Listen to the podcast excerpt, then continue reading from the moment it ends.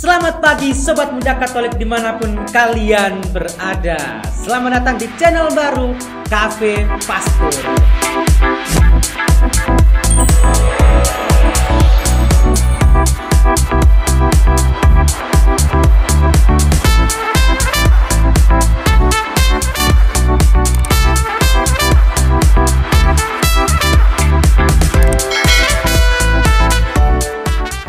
Sobat Muda Katolik Nah pada pagi hari ini saya tentu nggak sendiri Karena ditemani oleh tiga pastor muda dan tentunya kece-kece Siapa aja mereka? Perkenalan diri dong Pak Romo Minggu silakan nih Halo Sobat Muda Katolik, saya Romo Gunawan. Halo, saya Romo Iwan. Dan saya Romo Pepi. Nah itu tadi ketiga Romo yang akan menemani saya Dan oh iya saya juga belum kenalan ternyata ya Mungkin para Sobat Katolik pasti penasaran ini MC-nya siapa sih? Nah, saya sendiri adalah Frater Aldo. Jadi saya juga calon Romo. Oke, nah Sobat Muda Katolik di mana pun kamu berada, kita ini kan udah masuk bulan Desember nih, ya kan Romo-Romo ya. Kita udah Oh. masuk bulan Desember dan tentunya hari yang spesial di bulan Desember tanggal 25 kita merayakan Natal. Natal, betul. pasti semua sobat muda tuh sudah pada nunggu-nunggu kan hari Natal nih. Karena selain libur juga bisa berkumpul dengan orang-orang yang dicintai.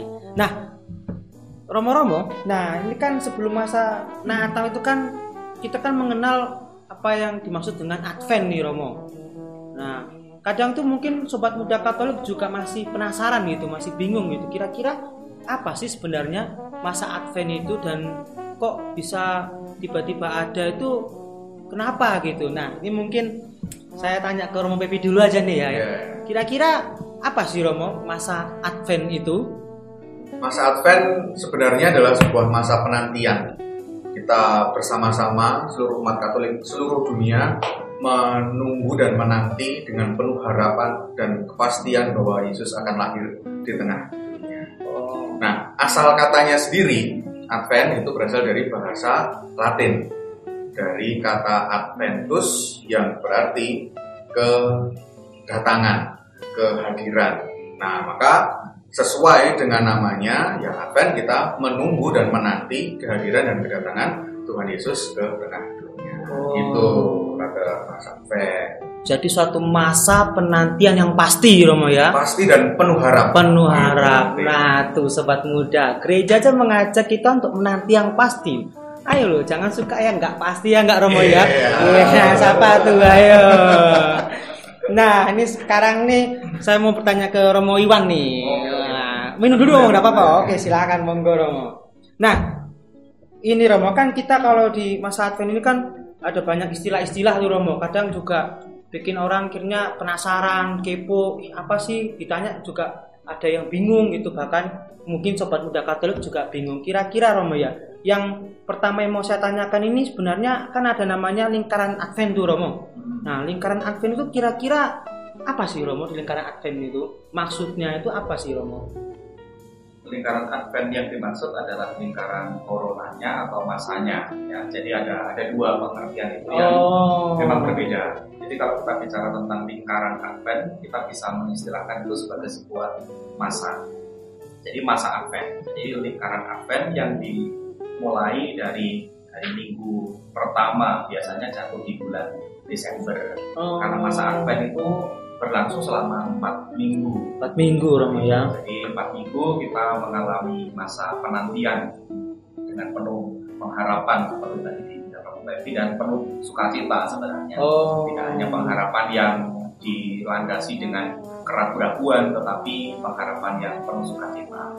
Nah kalau bicara soal lingkaran bisa juga disebut soal Corona Advent. Oh, Corona Advent itu Corona apa itu Romo? Corona Advent itu. Corona? Advent itu biasanya dipasang di samping altar gereja.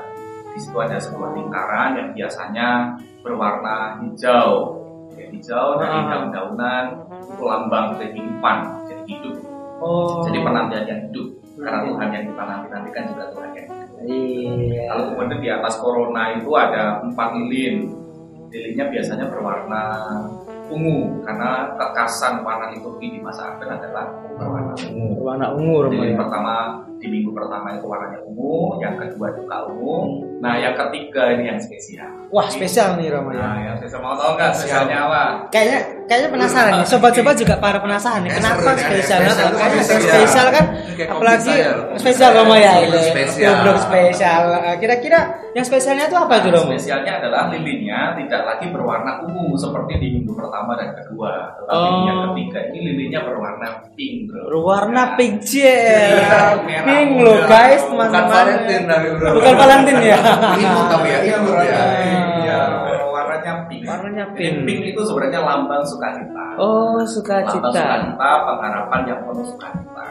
Maka disebut minggu yang ketiga itu minggu Gaudete. Artinya bersukacitalah, Bersukacita. bergembiralah. Karena ini kita semua mengajak gereja untuk bersukacita. Oh. Sukacita karena apa? Karena Tuhan yang dinanti-nantikan di dalam masa Advent itu sudah yang dekat kehadirannya atau kedatangannya.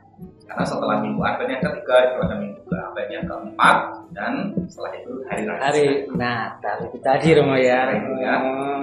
Jadi harus benar-benar sukacita Romo ya. Berarti buat sobat-sobat yang galau kalau masuk minggu gaudete harus wajib Harus sukacita sukacita. Romo ya. Biarpun ditinggalkan ceweknya harus tetap tersenyum. Walaupun sakit mungkin ya CL kok jadi aku ya. Malah curcol nih kayaknya nih.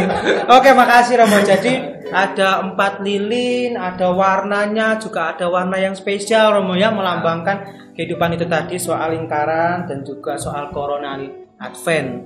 Nah, pertanyaan selanjutnya nih, ini untuk Romo Gunawan. Oh, iya. Ini ini pertanyaan yang paling seru nih kayaknya karena soalnya paling dalam nih Romo ya kan.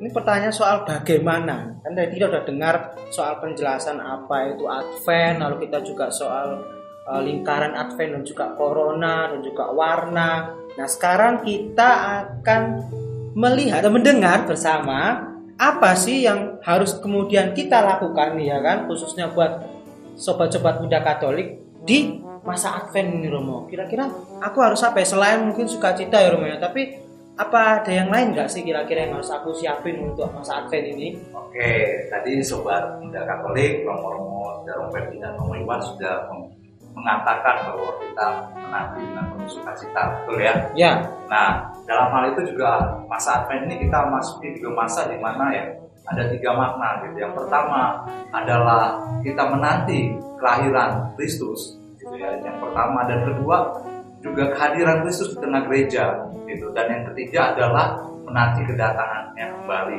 ke dunia ini.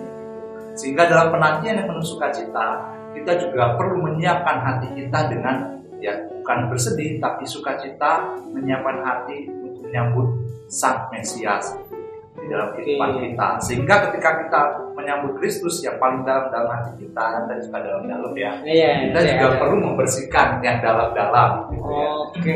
itu yang pertama yang pertama yang tadi dan apa yang harus kita lakukan ya ibarat aja gitu ya saya mengibaratkan menggambarkan gitu kalau sobat muda yang sudah punya pacar ataupun belum pasti sudah pernah dong diberi surprise gitu ya Cie. kedatangan seseorang gitu ya Iya, iya, misalnya iya, seseorang ini datang kan nggak tiba-tiba gitu surprise mau buat kejutan gitu kalau nggak siap kan misalnya seorang kita cintai datang ya kita belum mandi ya pakaian masih dekil gitu ya kecut kecut bau gitu keringat Lepek lagi.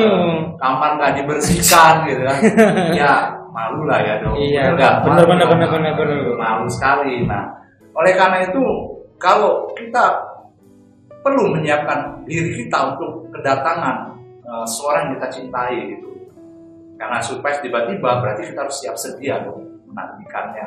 Kapan pun kita harus kece-kece kayak kami bertiga ini. kan. Siap, siap. Kalau yang terakhir oke. Oke juga lah, aku lihat sobat muda tuh Oke. oke kan menggunakan harus persiapkan diri gitu ya.